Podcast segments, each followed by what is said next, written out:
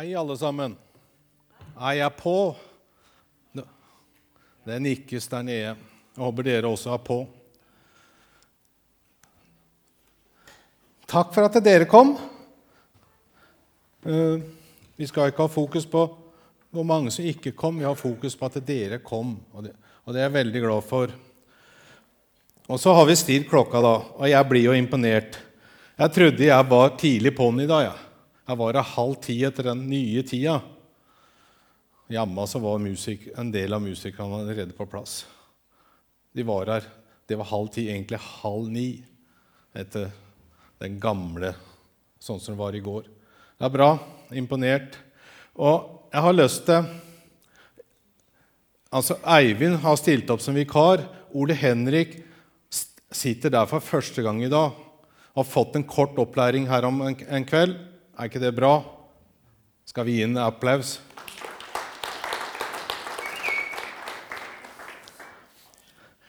Og så har vi da stilt klokka. og det er bestandig spennende. Skal vi Skal jeg slå på den, kanskje? Da, da pleier kanskje ting å virke. Sånn, ja. Vil ikke at dere skal se for mye på palmen, for da begynner dere bare å drømme. Men når jeg stiller klokka på en sånn gudstjeneste på våren, så er det bestandig spennende. For det er noen som har tendens til å være, ikke komme i god tid før gudstjenesten kommer, ofte kanskje etter det begynner, og har ikke stilt klokka. Så kan det hende de kommer diltende som ved tolvtida og tenker ikke noe mer og setter seg ned, og så oppdager de reagerer kanskje litt på at alle smiler litt, spesielt her i dag. Og så setter de seg ned og så går møtet til avslutning, så skjønner de det hele. Det er en deilig følelse, kan jeg tenke meg. Men det slapp dere, siden dere allerede var kommet. Og det er bra. Jeg skal ikke, jeg, jeg skal ikke legge ut bi, sånn veldig mye bibeltekst i dag. Så de som ønsker å lese mer om uh, veien til korset, så har Svein Tore lagd det heftet her. Han hadde undervisning på i forbindelse med sånn bønnemøte en tirsdag for litt siden.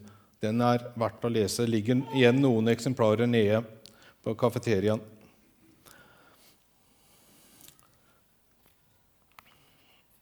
Ja da, skal, da begynner vi talen nå. Far i himmelen.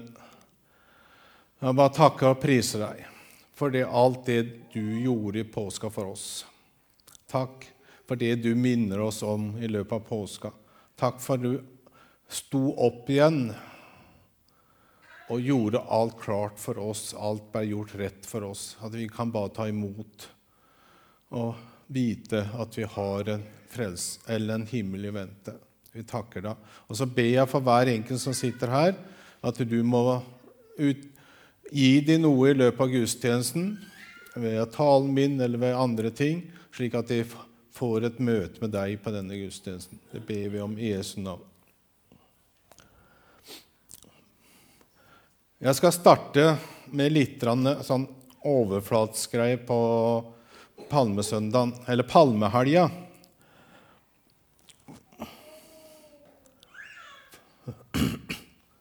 Jerusalem på den tida var fullt av folk, og de næreste områdene til Jerusalem. For folk, jødene strømmer til Jerusalem for de vil være i Jerusalem på, i påskehøytiden.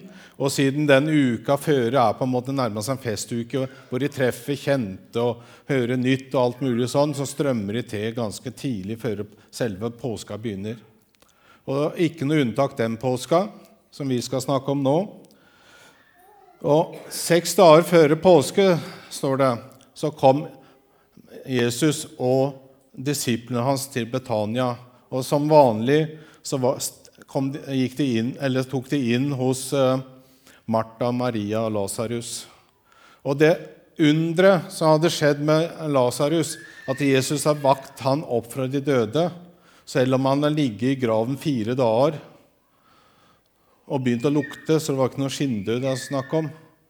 Det hadde gjort, blitt en eh, sånn nyhet i hele Jerusalem og i Betania og rundt forbi.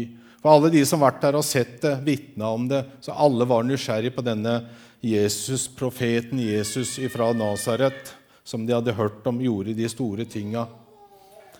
Og med den settingen så kommer da Jesus til Betania, tar inn der, og han, eh, han eh, Eller folk begynner, hører det, og de begynner å strømme til.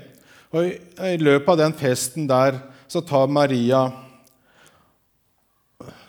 og tar og høl på en uh, salvekrukke med nardussalve. En kos, skikkelig kostbar salve. Og mange reagerte på det og syntes det var sløsing og alt mulig. Men Jesus ga da uttrykk for at det satte en pris på, for var, han ble salva til den han skulle, eller at han skulle begraves. Og Neste dag, på søndagen, så hører folk i Jerusalem at Jesus er på vei. Og De begynner å bryte opp palmegrener og går han i møte. Og, ja, Jesus, og det skal vi lese om fra Johannes.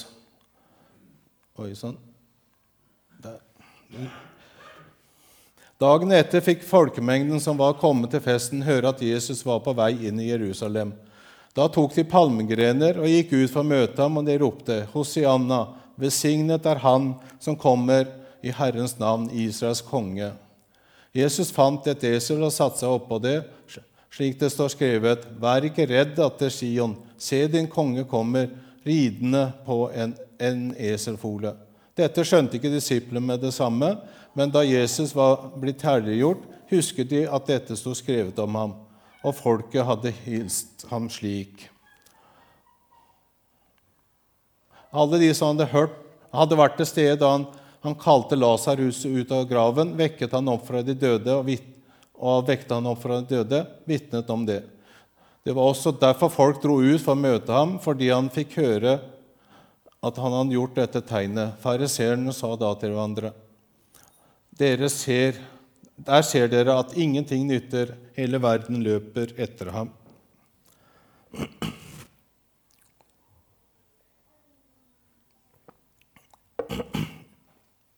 Jeg skal ikke komme noen voldsom sånn teologisk utdyping av det, men jeg ønsker å prate litt, eller sånn rimelig raskt gå gjennom en del forskjellige mennesketyper, menneskelige reaksjoner, forskjellige åssen folk reagerte, hvorfor de var der. litt sånt noe. Komme med noen forslag for å være med på å få dere kanskje tenke litt i de baner. Og eh, Først hadde vi de skriftlærde og fariseerne. De sto der, og de var forarget, de var frustrert, de var sinna. Alt sånne sterke følelser hadde de. For, det var gudsbespottelser de, de så der. For ingen jøder ut fra deres religion tilber et menneske. Det er kun Gud som skal tilbes. Og de oppfatta da at alle de som kom der og hylla Jesus og tilba Jesus, at de til, tilba mennesker for det de så, for de hadde ikke noe tro på at eh, han som kom ridende på den nesefolen, at han var Guds sønn. Det, det nekta de å tro, så det her var en gudsbespottelse. Og så har vi de litt mer forsiktige typene. Syns det her var da voldsomte greier. Og begynner kanskje å bli redd for at eh, romeren skal komme, og at det blir eh, skikkelig blodbad eller noe sånt noe før påske og syns hele det var, det var litt sånn overkill å reagere så sterkt. Og så har du en litt annen gruppe. De som har kommet til Jerusalem og egentlig var ute etter å ha det Syns det her er så veldig gøy, og som hang seg på selve hendelsen bare for å ha det gøy. Fordi, og uten å ha noe mer tanke rundt det. Og når det skjer ting, så er det bestandig noen som kommer der for på en måte være med uten at det ligger noe så veldig mye mer bak det. Og så har de de som møtte opp for de ville se profeten Jesus fra Nasaret, han som vekte opp Lasarus, og, og gikk der kanskje med et ønske om å se flere under. Det var veldig mange tilreisende, fordi, og de hadde ikke kanskje sett Jesus før. Og så er de som kommer og tilber ham som Messias, Men som Merete nevnte i innledninga, det var veldig mange som kanskje ikke hadde rette forståelsen av Messias. Altså, Messias skal en gang bli den jordiske kongen, men ikke da han kom den gangen. Men de så da Messias, Jesus, Guds, han var Guds sønn, trodde de, men han skulle bli en jordisk konge og hive romerne ut av landet. Var, derfor var de begeistra når de så det opptoget kom. Nå, får, nå, skjer det noe, nå får vi romerne ut. Og så var det kanskje en litt mindre gruppe, de som så på Messias som vår frelser.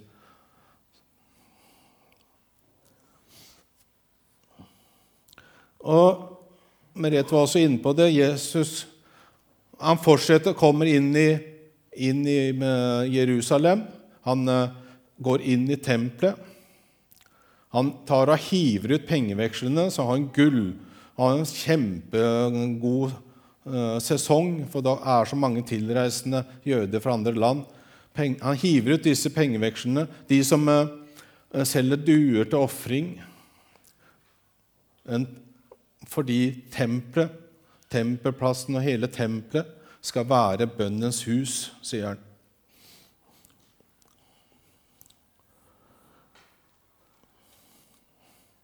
Og så tar han og profeterer om mye, og jeg hørte han går gjennom en lang tale, eh, en yppersprestelig bønn og alt det her. Og så går Jesus tilbake til Betania uten at det skjedde et under eller noe som helst. Han gikk ikke til borgen til Pontius Pilatus for å prøve å hive ut han av landet.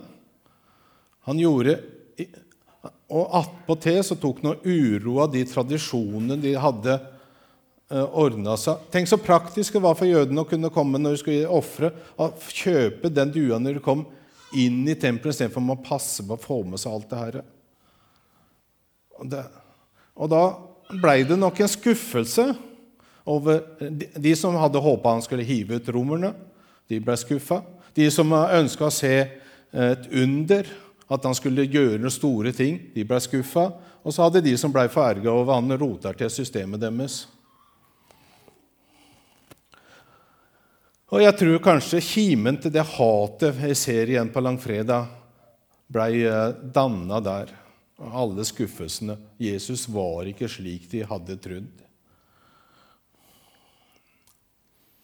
I 1982 så ble det et nytt uttrykk lagd i Norge.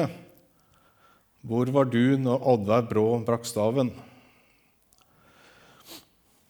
Og Jeg skal ikke spørre deg om det, men hvor, hvor var du hen i de forskjellige hendelsene i påska? Ok, du levde ikke da. Selv ikke jeg levde jo den gangen. sånn sett. Men allikevel, vi kommer på en måte ikke unna at påske og være, på en måte, Vi var til stede på en eller annen måte. Eh, vi bør være til stede på en eller annen måte. For den påska var så viktig for oss. Og, og da skal vi gå igjennom noen av de hendelsene og stille noen enkle spørsmål hvor du, om, om hvor du var hen. Når Maria salva Jesus, blei du farget over det pengesløseriet? Syns du at det, eh, nå tok Maria av igjen? Eller mm, det der skulle gjerne jeg også gjort. Under inntoget, når jeg ramsa opp en del for litt siden, i forbindelse med inntoget Hvor var du hen? Hvilken type var du?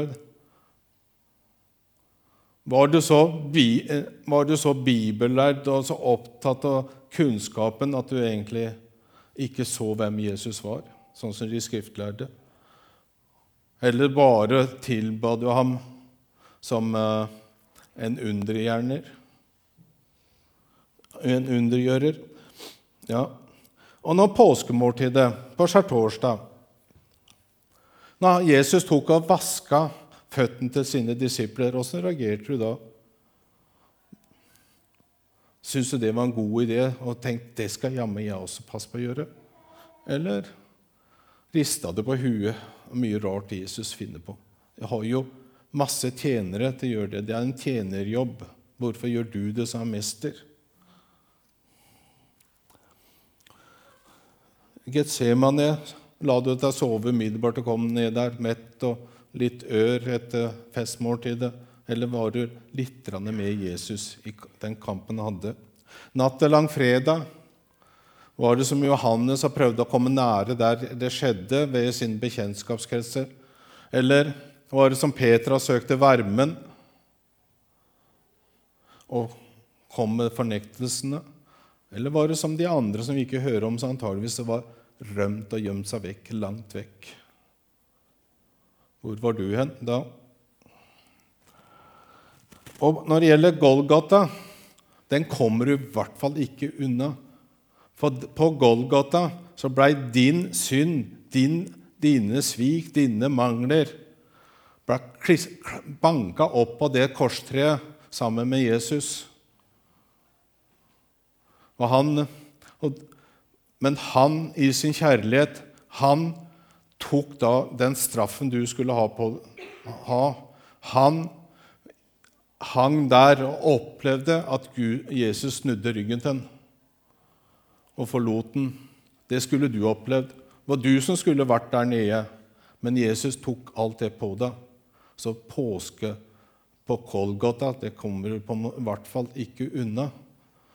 Den må, der, der var du til stede. Oppstandelsen løp det med Peter og Johannes inn til For å se at det eh, da, jentene, eller de kvinnene sa Eller så bare rista på huet. Nei, kvinnfolk de bare tuller. Eller var du ikke til stede i hele tatt sammen med de andre? Vel, når Jesus kom og viste fram sine naglemerkede hender, var du til stede der? Eller hadde du gitt helt opp?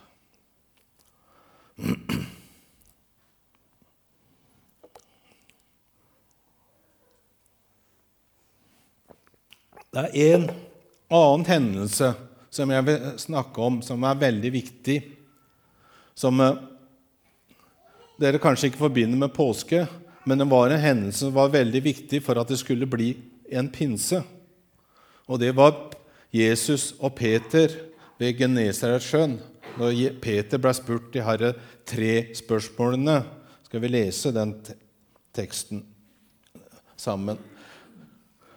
Da de var ferdige med måltidet, sier Jesus til Simon Peter, 'Simon, sønn av Johannes, elsker du meg mer enn disse?' Han svarte, 'Ja, Herre, du vet jeg har deg kjær.' Jesus sier til ham, 'Fø lammene mine.' Igjen for annen gang sier han, 'Simon, sønn av Johannes, elsker du meg?' 'Ja, Herre, du vet jeg har deg kjær', svarte Peter. Jesus sier, 'Vær gjeter for sauene mine'. Så for tredje gang, 'Simon, sønn av Johannes, har du meg kjær?'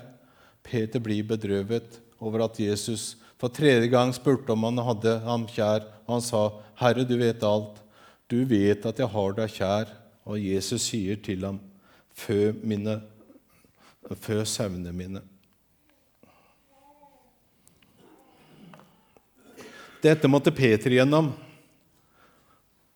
Får spørsmålet tre ganger fordi han nekta ham tre ganger.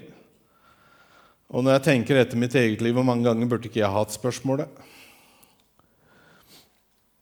Og Det var en ydmyk Peter som gikk gjennom det. Og hadde ikke han svart ja der, så hadde, det på en måte ikke blitt pinse for Peter.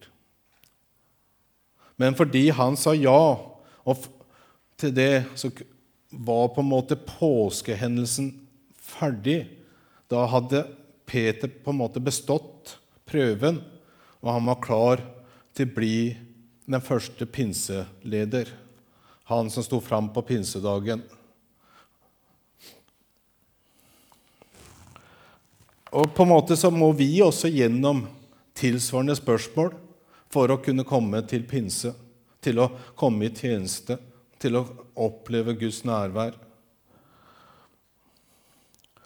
Og vi kommer på en måte ikke unna disse tre små, enkle spørsmåla fra Jesus som tross alt var veldig vanskelig.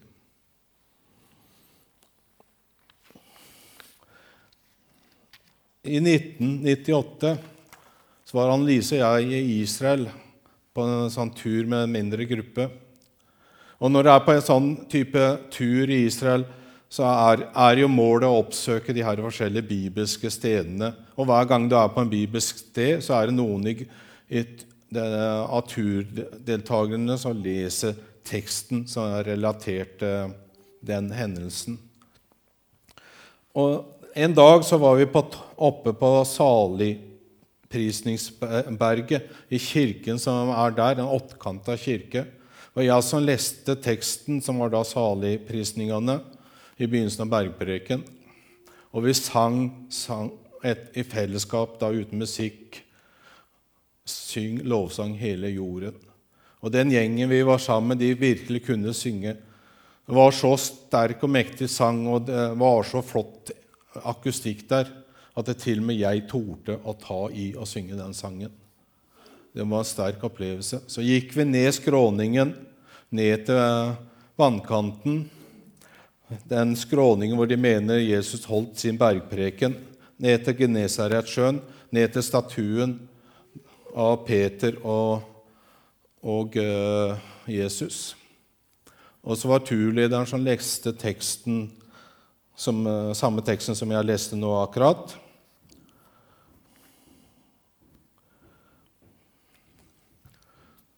For meg så var det som han leste 'Elsker du meg, Tore?' Det slo inn i hjertet mitt før mine lam. Det ble en veldig kraftig opplevelse, på en måte nærmest en kald opplevelse. Jeg svarte ja. Og den opplevelsen Nei. Ja, den opplevelsen Når vi var ferdig og lest, vi hadde lest ferdig teksten, så gikk vi helt ned til stranda. Og der ligger det, i hvert fall den gangen i 98 lå det mange slike steinhjerter der. Det var litt lavt, lav vannstand, men det lå noen lenger utover, og de lå i vannet. Og bølgene skvulpa over dem. Så kom akkurat som jeg kjente Guds kjærlighet bare skylte over meg også på samme måten. Og de steinene som lå der ute, var beskyldt over vannet. De glitra og var så eh, flotte.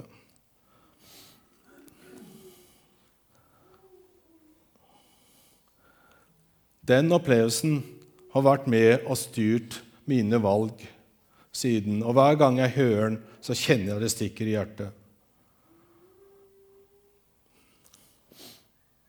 På samme måten som jeg da den gangen blei utfordra på at Jesus kom med på en måte sinne, den han sa etterpå, 'før mine lam'. Så har han akkurat de samme spørsmål til dere. Elsker dere meg? Elsker dere meg, dere som sitter i PMK i dag? Og så sier han nå etterpå på en måte forskjellig til hver enkelt. Vi får forskjellige oppgaver. For alle skal jo ikke være hyrde.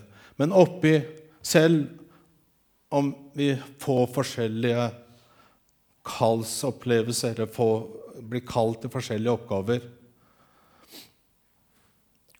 så er det én ting som Jesus hele tida sier til oss på en eller annen måte.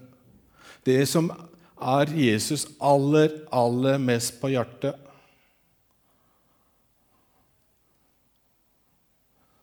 Det er den ene sauen vi har snakka om så mye. Den ene som ikke er her. Og saken er det at det, vi sier at Jesus er her. Er han egentlig her? Den hellige ånd er her. Men er ikke Jesus egentlig en helt annen plass? Han lar oss sitte her mens han flyr rundt og leter den ene. Og det er hans store passion. Det er de som ikke enda har kommet med, og det ligger i bånn hele veien. Det ligger i bånd på vår alle oppgave i Guds rike. Og når når Jesus var villig til å henge på det korset, helt villig, gjennom de lidelser for min skyld, og elsker meg så vanvittig høyt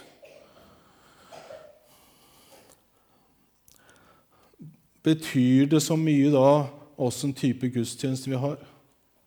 Betyr det så mye om lovsangen er lang eller kort, eller om de spiller mine sanger som jeg har gode opplevelser med eller? Er det det som betyr noe da? At talen kanskje ikke appellerer til meg, men jeg forstår ut fra det som blir sagt, at det her appellerer sikkert til noen andre. Betyr det noe da at kanskje ikke jeg, den sønnen, han fikk av talen? Betyr det da noe som at jeg ikke får dekt mine behov og mine ønsker for åssen det skal være i en gudstjeneste? Er det ikke det den som, som kanskje hadde kommet hit, som noen har kanskje fått med seg hit, at de som, ikke, som kanskje ikke har tatt imot Jesus, at det er de skal få en god opplevelse og få et godt møte med Jesus, betyr ikke det mest?